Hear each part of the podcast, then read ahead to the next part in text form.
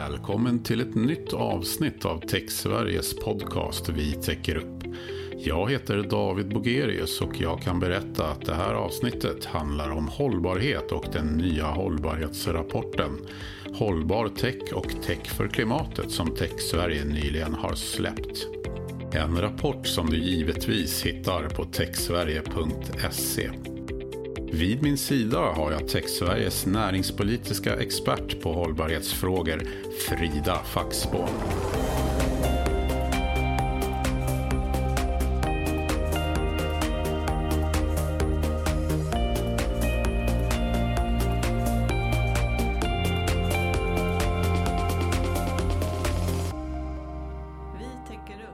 Vi Sverige har ju nyligen släppt en ny hållbarhetsrapport som heter Hållbar tech och tech för klimatet. Vad vill vi berätta med den? Ja, men kort eh, sammanfattat att den gröna omställningen är beroende av techbranschen och de digitala lösningar som, som den erbjuder och utvecklar och att vi har en världsledande techbransch som tar ansvar för en hållbar utveckling är av avgörande roll och det är en avgörande nyckel, inte bara för Sveriges gröna omställning utan för världens. Och hållbarhet är ju en av vår tids absolut viktigaste frågor och som berör oss alla ner på individnivå. Eh, och techbranschen jobbar varje dag med att ta fram lösningar för att underlätta företags, branschers och hela samhällens omställningar till mer hållbara produkter och tjänster och processer.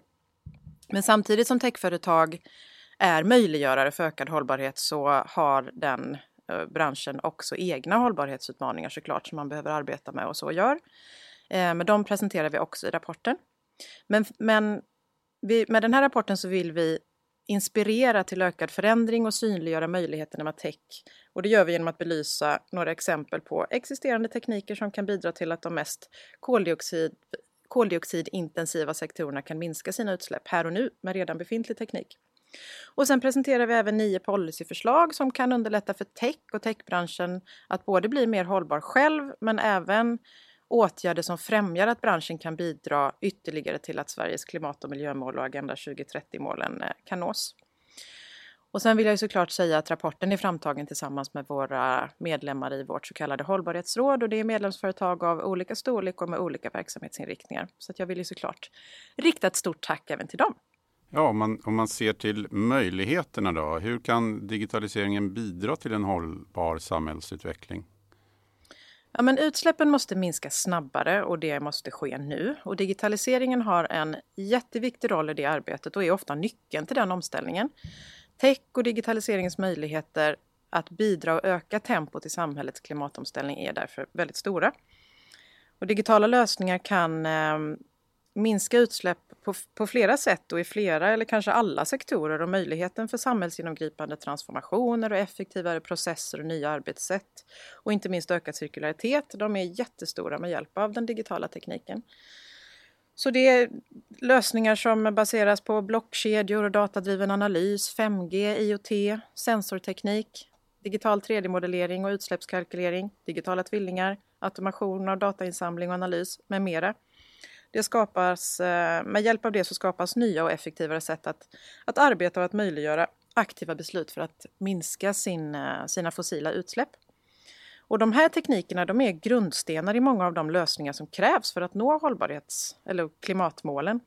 Och användningen av de här digitala lösningarna som finns kan skalas upp både nationellt och globalt och även främja svensk konkurrenskraft och öka branschens möjligheter ytterligare att eh, bidra till Sveriges BNP. Så det finns alla möjligheter och jag vågar påstå att techbranschens lösningar är grunden för att förändringar ska kunna komma till stånd överhuvudtaget. Men det synliggörs inte alltid på det sätt som det förtjänar tycker jag. Och det kanske tas lite för givet och därmed kan det vara så att det glöms bort eller tappas bort lite i politiken. Så det är delvis det som vi också vill synliggöra med vår rapport. Så sprida kunskap om möjligheter men också att sätta press på politiken om vad som måste till för att öka de här möjligheterna än mer. Ja, eh, vilka är de stora utmaningarna i branschen? Ja, som jag sa så är det såklart att branschen har eh, hållbarhetsutmaningar och även om vi inte på något sätt påstår att, att, eh, att vår rapport är uttömmande kring dem så har vi ändå liksom identifierat dem, några av de största och viktigaste kanske. Och det handlar bland annat om att ökade datamängder inte ska leda till ökad energiförbrukning, att vi behöver fasa ut icke önskvärda kemikalier i produkter, och att eh, cirkulariteten i hela värdekedjan behöver öka. Men sen även tittar vi på hållbara leverantörskedjor och att man behöver ta ansvar för, för de leden. Men hållbarhet är ju också bredare än bara klimat och miljö och även om vår rapport eh, till stor del har fokus på just klimat och miljö så, så berör vi även de sociala frågor eh, som utmaningar kring inkludering och integritet och informationssäkerhet. Men det är ändå så att cirka 70 procent av Sveriges eh, techrelaterade utsläpp kommer ändå från tillverkning och användning av personlig utrustning som då datorer och mobiltelefoner och surfplattor och annat. Så som bransch så behöver vi flytta oss från de linjära affärsmodellerna till cirkulära och det behövs ett riktat arbete för att den informationen också ska nå ut till konsumenterna. Eh, och det pågår ett intensifierat arbete i branschen kring de här frågorna. Och sen får man ju heller inte glömma att det är techbranschen som kan bidra med sådana lösningar för andra sektorer att bli mer cirkulära. Ja, den, I den här rapporten då som alltså heter Hållbar tech och tech för klimatet så, så presenteras ju nio policyförslag. Är det, är det några av dem som du vill lyfta fram? Alla är ju såklart jätteviktiga, det givna svaret. Men givet dagens diskussion där vi kanske lite mer ska fokusera på digitaliseringens möjligheter så vill jag särskilt peka på behovet av att regeringen accelererar användningen av tech i klimatomställningen och gör den kopplingen mycket tydligare, att man kopplar tech tydligare till den transformationen. Och sen så eh, att offentlig sektor behöver ha mod att upphandla mer på, på funktion och på så sätt främja innovation på området och techbranschens möjlighet att bidra där. Sen är det även eh, oerhört viktigt att fokusera på åtgärder för att möta den kompetensbrist som vi har i branschen, som givetvis också då påverkar techbranschens möjlighet att bidra med innovationer eh, och digitala smarta lösningar kopplade till hållbar utveckling som då är till gagn för klimat och miljö. Sen slutligen så, så eh, måste jag även peka på då klimat potentialen med 5G. Där regeringen också behöver bli mer offensiv och förstå att det är grundläggande för de smarta lösningarna som också är mer energieffektiva och transformativa i grunden. Tack så mycket Frida. Nu ska ju samtalet om branschens hållbarhetsarbete med särskilt fokus på digitaliseringens möjligheter fortsätta här tillsammans med Helena Nordin och Mikael Salo där vi ska få höra hur vi förlöser möjligheterna. Så jag lämnar över till dig Frida. Tack David.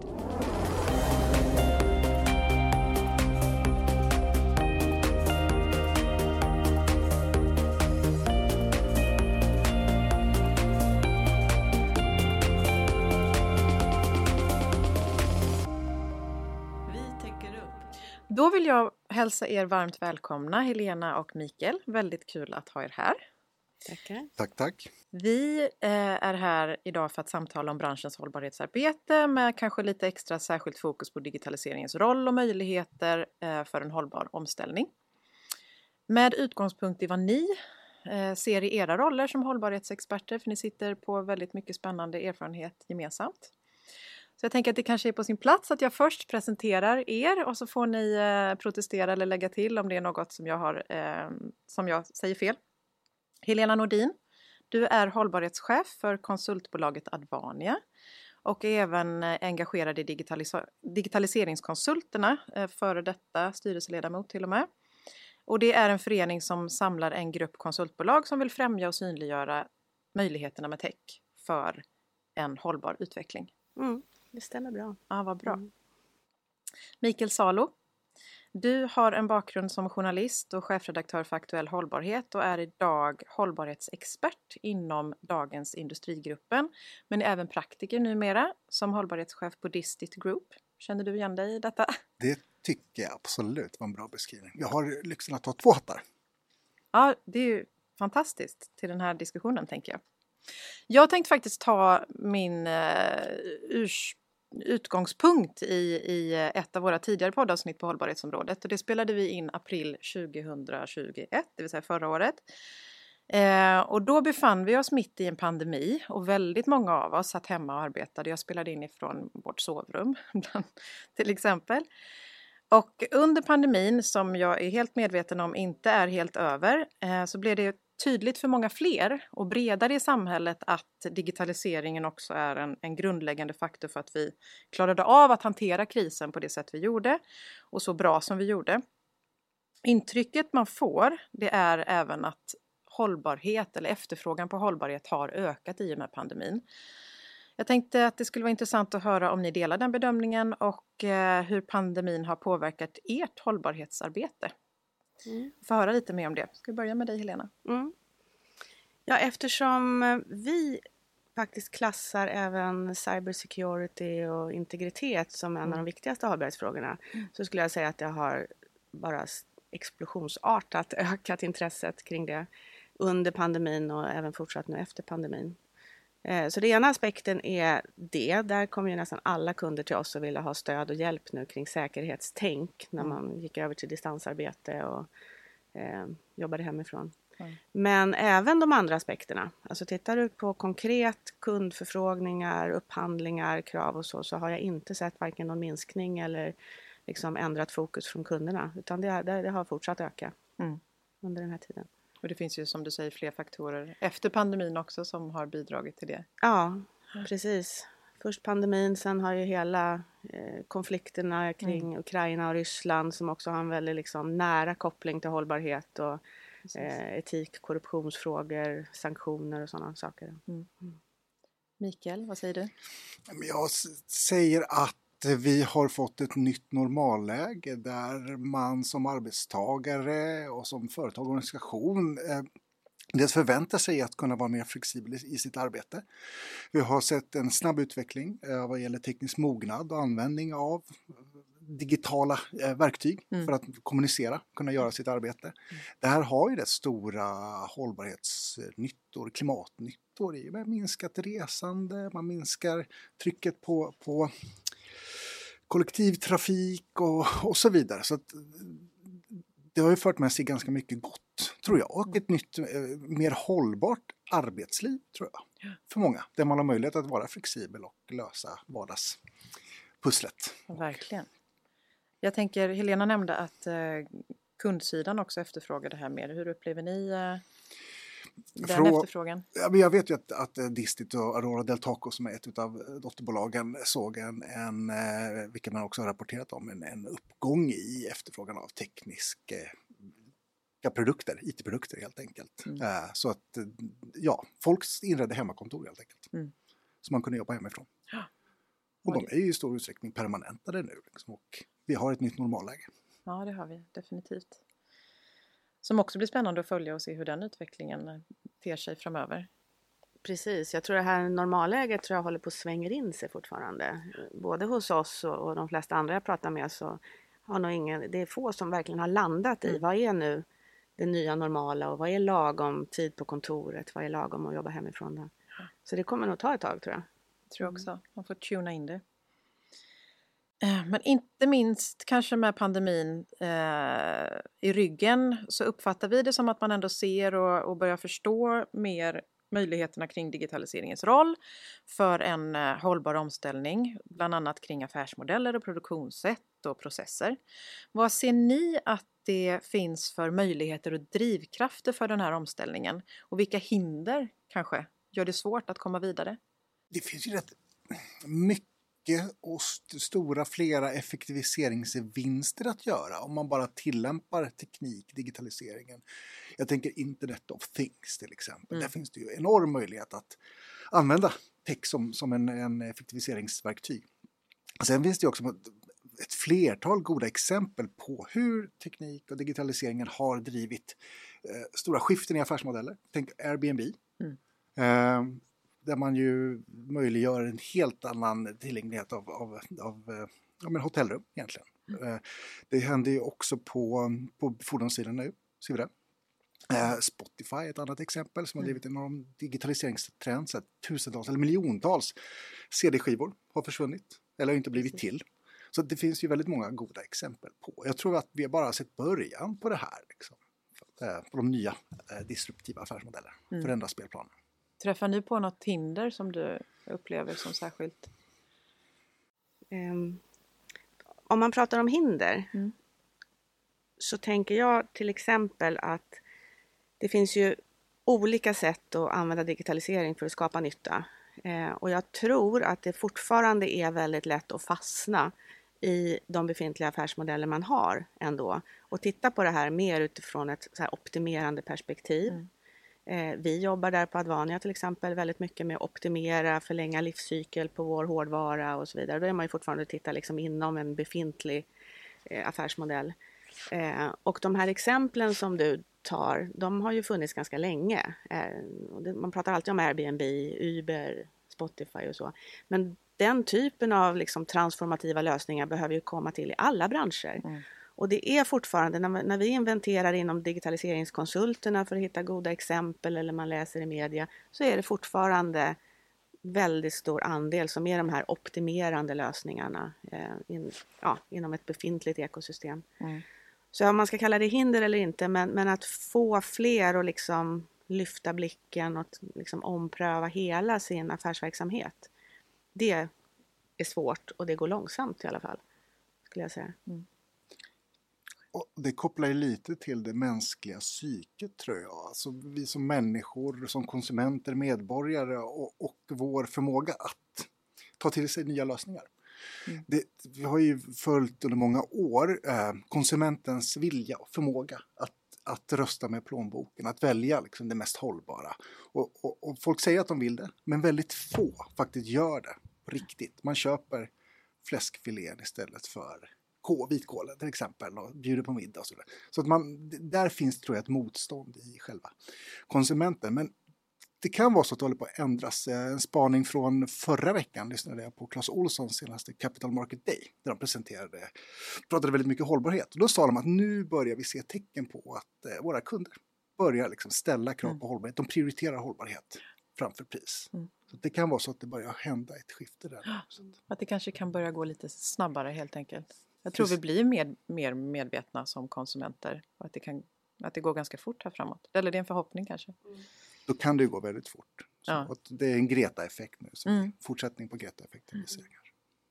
Jag tänkte att jag, jag ähm, tar, tar, kopplar på lite det du sa där Helena, för att om vi tittar på den rapporten som vi har släppt äh, så, så pekar vi ju den på sju goda exempel på hur digital befintlig teknik kan, kan bidra till att stora utsläppssektorer Eh, Eh, minskar sin klimatpåverkan. Men det handlar ju väldigt mycket om det du sa, att det handlar om att optimera och minska energiförbrukning och, och kanske inte den här transformationen som, som, som du pekar på här. Men har du något gott exempel på ett sådant arbete eller en sån påbörjad resa eller så som, som eh, kan vara intressant att lyfta här?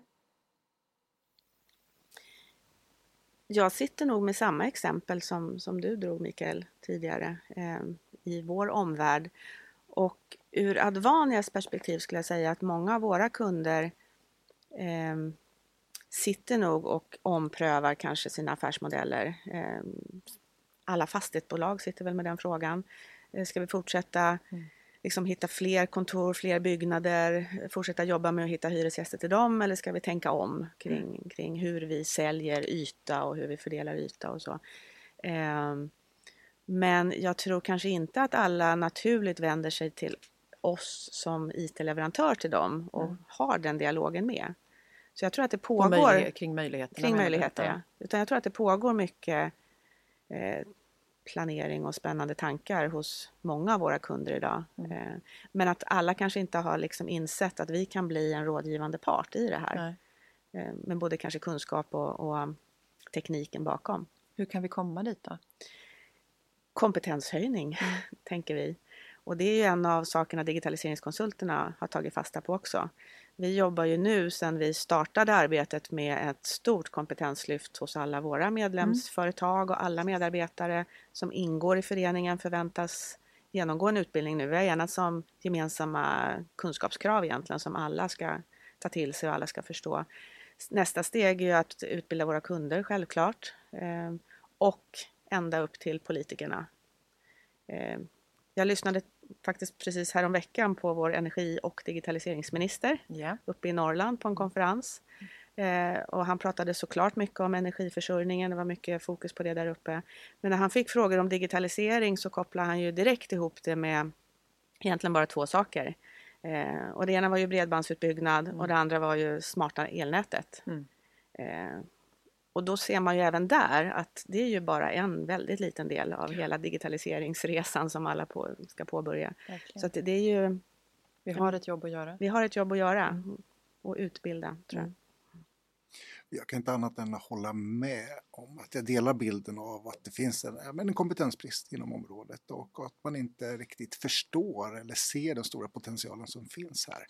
Och att, och att det, här, det här är ju ett sökande, tänker jag också, efter att hitta innovationerna som kan bli disruptiva, som kan möjliggöra stora förändringar, transformativa förändringar.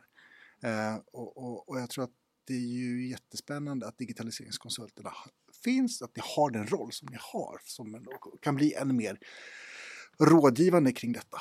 Eh, här skulle jag vilja också koppla på upphandlingens eh, stora potential att Mm. driva fram och skapa nya hållbara lösningar. Verkligen. Innovationsdriven upphandling. Mm. Jag tror att det finns väldigt mycket att, att hämta om man Ja. bara fokuserar på det. Mm. Och här igen handlar det ju faktiskt om eh, kompetens, kunskap, Mm. förståelse för vad som kan Verkligen. åstadkommas. Det pekar vi bland annat på i rapporten kring policyförslagen.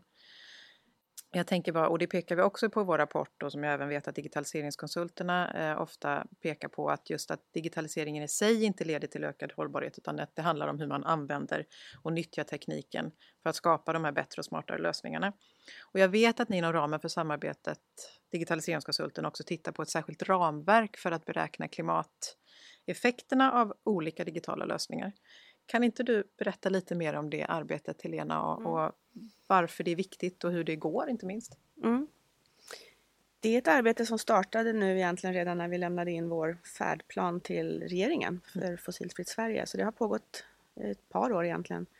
Eh, Vi valde ganska tidigt att inte försöka uppfinna hjulet igen och hitta någon ny standard eller ny metodik utan vi gjorde ju en inventering av, av de ramverk som de bolag som har kommit längst egentligen hänvisar till att de, de använder sig av. Och har väl landat i att vi vill peka på en eller ett par av de ramverken som vi tycker har kommit längst. Men kanske bygga på dem med lite mer gemensamma principer. Att när man använder dem så ska man ju tänka på ett antal grundläggande principer. Bland annat då till exempel hur, hur mycket indirekta effekter ska man faktiskt ta med i sin beräkning. Eh, och mycket handlar ju om att göra det här jämförbart. Så att vi i slutändan, de här fina exemplen som finns i, i Tech Sveriges rapport till exempel, eh, har ju alla, alla försökt göra en form av beräkning och uppskattning av effekterna. Men att man dessutom kan veta om alla de hade blivit, faktiskt beräknats på samma sätt med samma ramverk i botten och samma tänk så hade det blivit ännu bättre. Då hade man ju verkligen fått en, en svart på vitt. Var ligger potentialen egentligen? Vilken är den bästa lösningen?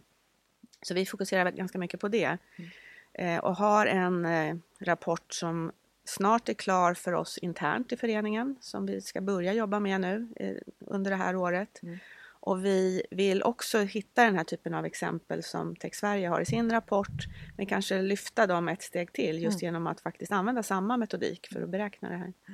Eh, och någon gång i slutet på året hoppas vi så kan det här även då vara färdigt att börja prata om externt eh, och kunna publicera någon form av extern rapport kring det. Spännande. Mm. Men är tanken att, att ehm, alltså är ramverket då som du säger inriktat till branschen eller även till kunderna? För att, eller det handlar om att man gör liknande beräkningar för att då kunden ska kunna värdera lösningarna eller hur? hur eh, Eh, Jag tror nog att båda parter skulle ha nytta av rapporten Mm. för att förstå hur, hur, vad menar vi när vi pratar om undvikna utsläpp. Mm. Eh, Men primärt riktar den sig väl till alla i vår bransch eh, som en Hoppas jag att vi landar i någonting tillräckligt bra så att vi ska verkligen gå ut och säga att vi rekommenderar verkligen att titta på det här framåt när man i sina hållbarhetsrapporter vill visa på hur, hur mycket nytta man skapar med sina digitala lösningar. Och, eller när man sitter tillsammans med en kund och faktiskt vill hjälpa kunden att förstå potentialen mer och så.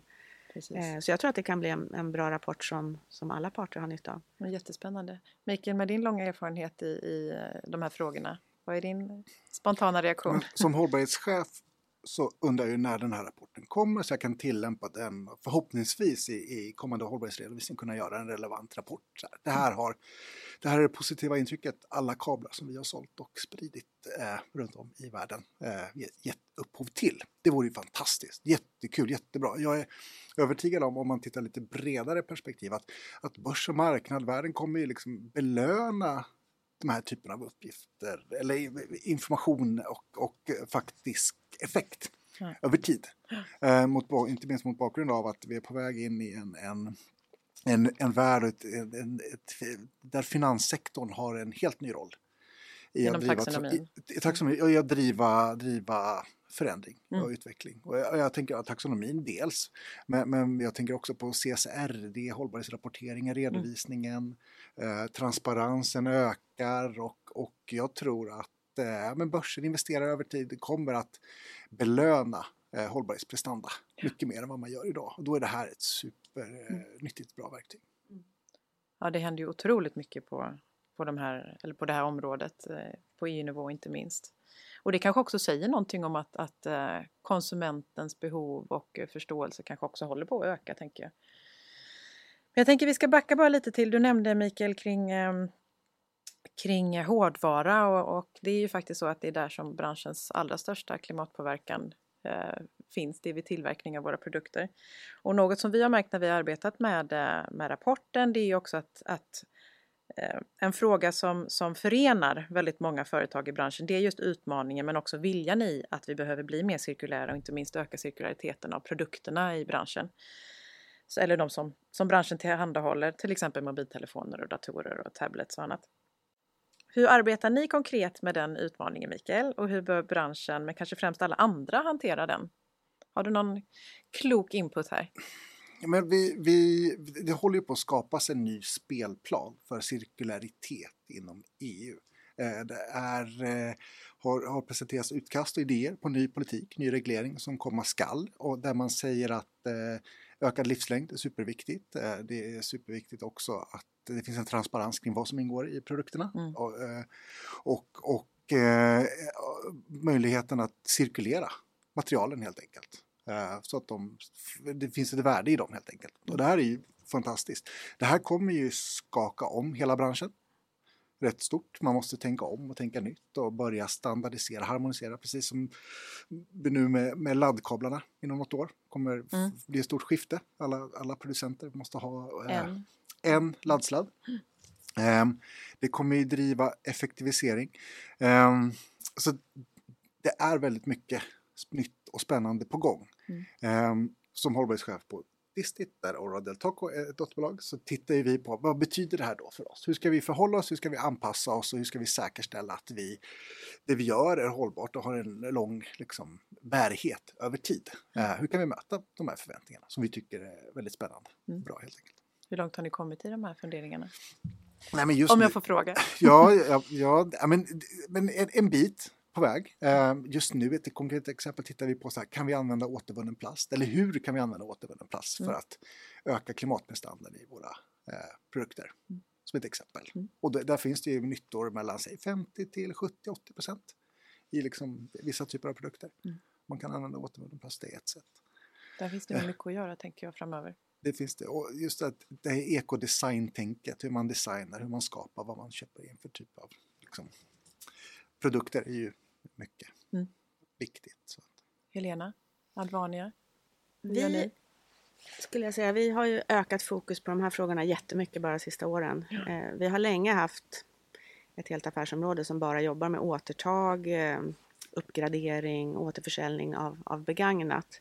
Eh, som en tilläggstjänst bland många. Eh, Många kunder har tecknat avtal med oss om det här i många år. Eh, inte alls lika många använder det här avtalet sen för att faktiskt lämna tillbaka eller sälja tillbaka till oss. Eh, men nu har ju det här hamnat nästan i liksom kärnan av de mm. delar av Advania som jobbar med återförsäljning av, av hårdvara. Mm. Eh, vi ser ju kundkrav och, och upphandlingar där man frågar efter att köpa begagnat i Sverige. Mm. Eh, vi har testat Som ni inte har gjort eh, sett in, innan på det sättet? Eller? Nej, jag skulle säga vi har gjort lite pilottester tidigare att mm. sälja begagnat och eh, svenska kunder är ganska kräsna, mm. inte minst i företagsvärlden. eh, med en kanske en fullt fungerande PC men, men ser lite använd ut och, och lite märken och så. Mm. Men nu kommer ju den efterfrågan på riktigt. Mm. Så att ta det från liksom en tjänst bland många i en portfölj till att liksom bygga en affär kring det här. Mm. Eh, där tror jag vi, vi eh, ligger i startgroparna för att ha det här mycket, mycket mer i fokus. Mm. Men det är kul att man ser den ökade efterfrågan så tydligt. Ja, och, och den kommer mycket från offentlig sektor ja. och de upphandlingar som, som vi, ja, är ju en ledstjärna för många av våra satsningar där vi ser att eh, offentlig sektor faktiskt ställer krav på. Yes. Ja, men vad, vad tror ni måste till för att liksom på riktigt accelerera och tillvarata kraften i digitaliseringen och den möjlighet som, som den har att faktiskt bidra till de här större omställningarna, omställningarna och förändringarna i samhället? För att vi ska ha en chans att ens en gång kunna nå våra 2030-mål. Det kan handla om ekonomiska incitament eller regelverk eller mätbara mål eller annat. Har ni några tankar här kring vad som krävs. Du får börja. Vad, vad, är det som behövs? Ja, men jag tror att det behövs en, en högre medvetenhet och eh, känsla av alarmism ja. hos våra beslutsfattare, skulle jag säga, mm. hos våra politiker, som man verkligen på riktigt vågar trycka ut styrmedel som på riktigt gör ont och driver. Mm. Jag tror att det är... Våga menar du lite där? Våga, våga ja, våga. Kompetensen kommer kanske in där också. Det har med kompetens att göra det och, och, och att våga. Och jag tror att jag tror att vi kommer se det ganska snart. Titta vad som händer i Spanien nu till exempel. Där värme börjar och, och, mm. skogsbränder och Paris har 40 grader varmt. Och, alltså, man kommer inse att det kommer barka åt skogen om vi inte hanterar det här. Mm. Och det, det, vi är nu är ju bara början faktiskt. Så det här är en försmak av vad som komma skall. Mm. Och när väl polletterna börjar trilla ner på riktigt tror jag att vi kommer att se mer politisk handlingskraft och mod. Mm tror jag. Och sen kan man ju prata om hur ser de perfekta balansen mellan morötter och, och piskor ut, vad vi pratar styrmedel och så. Det, mm. Där, där eh, kan man ju resonera om, men, men oavsett så befinner vi oss i en marknadsekonomi eh, och då är det viktigt med harmoniserade eh, styrmedel mm. för, för en EU-marknad tycker jag. Mm. Absolut. Det är det viktiga. Och sen kanske politiken inte eh, kan vänta på att hitta den perfekta balansen utan som behöver våga och ta, ta de där första stegen kanske. Mm. Helena? Jag håller med, men jag tror också att det inte det är inte en sak som behöver göras eh, och det finns ingen gyllene nyckel liksom till att lösa det här. Så att om man ska lyfta ytterligare en sak så tror jag starkt på det här med att kunna mäta effekter. Eh, mm. Och vi publicerade en debattartikel bara för någon vecka sedan kring kravet eller liksom behovet av att faktiskt sätta tydliga effektmål mm. på de digitaliseringssatsningar man gör. Eh, och kanske som kund efterfråga det mycket mer. Eh, följa upp det, inte bara kostnader och kundnöjdhet och sånt där som är basic för oss i branschen. Utan också från början sätta mål kring klimatnytta och sen också följa upp och mäta det. Och då kommer man ju tillbaks till den här metodiken och någon form av gemensamt sätt att faktiskt kunna mäta det. Mm. Kan också bli en liksom, ett steg på vägen för att få upp medvetenheten och kunna bevisa nyttan på ett mycket bättre sätt än vad vi kan idag. Skulle det finnas krav då på att man ska sätta upp sådana effektmål? Ja, mm. Mm. och där kan ju politikerna ha en roll att spela också mm. och vara med och sätta tydligare sådana förväntningar på sina myndigheter till exempel. Precis, den styrande verksamheten. Mm. Apropå det här med mätbarhet, Irena, som du är inne på. Eh, ett begrepp eh, som man hör är Science-Based Target som är vetenskapliga mål som används för att driva mot resultat kopplat till Parisavtalet. Vad har du för erfarenhet kring detta? Vi har ju, Advania då har committat sig till Science Based Target och vi håller på att få våra mål godkända nu under det här året. Ehm, vi började jobba med det för något år sedan och, och hitta den här baseline och titta på vilka utsläpp vi har i alla scopen då, då för det här handlar ju både om Advanias utsläpp men också om vår leverantörskedja i scope 3. Och eh, ungefär samtidigt när vi började titta på det så såg vi de första kraven faktiskt i upphandlingar från våra kunder. Där det här blev som en slags mervärdes eh, poäng helt enkelt. Ja, om man kunde visa på att man hade sådana här mål. Så det gjorde det ännu lättare för mig att få igenom ett sånt här beslut Såklart. i vår ledningsgrupp. Så vi har committat oss och nu är ju nästa steg för oss att gå vidare till våra leverantörer och vår leverantörskedja och ställa samma krav på dem. Mm. Så här blir verkligen en, en kedjereaktion nu skulle jag säga. Och jag kan också jag kan skriva under på att klimat är en superprioriterad fråga mm. eh, som ska hanteras och, eh, och eh, det, det, är bara att hantera. Göra nulägesanalysen, lägga en plan, eh, ta fram en, en, en, strategi och på riktigt integrera frågorna och börja minska utsläppen. Det handlar ju om comply or die i det här fallet. Jag säga. Vi börjar närma oss slutet. Så jag tänkte just med koppling till, till politiken att eh, be er om ett medskick till politikerna. Och ge gärna ett om möjligt eller kanske några stycken men medskick till politiken om vad som är absolut viktigast här nu framöver. Att sätta tänderna i och ta tag i när man eh, har den nya regeringen på plats för att eh, möjliggöra och ta tillvara digitaliseringens potential här fullt ut. För att främja då tech för klimatet.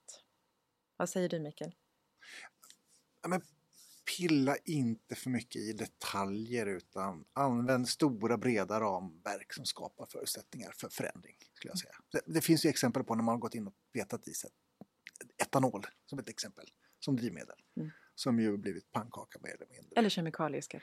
Eller kemikalieskatt kan man också lyfta som, mm. som en, en, eh, ett exempel på som kanske inte blev riktigt bra om man ser det till ett, ett större perspektiv. Så. Mm. Ja, då kan jag komplettera det med att faktiskt hitta någon form av digitaliseringsansvar i alla departement. Eh, för att få täcka hela, alla aspekter av digitalisering och hållbar digitalisering. Som är en och horisontell fråga. Ja. ja. Mm. Så att det inte kopplas ihop för mycket med vare sig energi bara eller näringslivsfrågor eller infrastruktur. Ja, mm. ja spännande. Men med det sagt så får jag verkligen eh, rikta ett stort och varmt tack till er för att ni kom och eh, diskuterade dessa spännande frågor med, med mig idag. Tack, tack för snälla. att jag fick komma. Tack. Tack.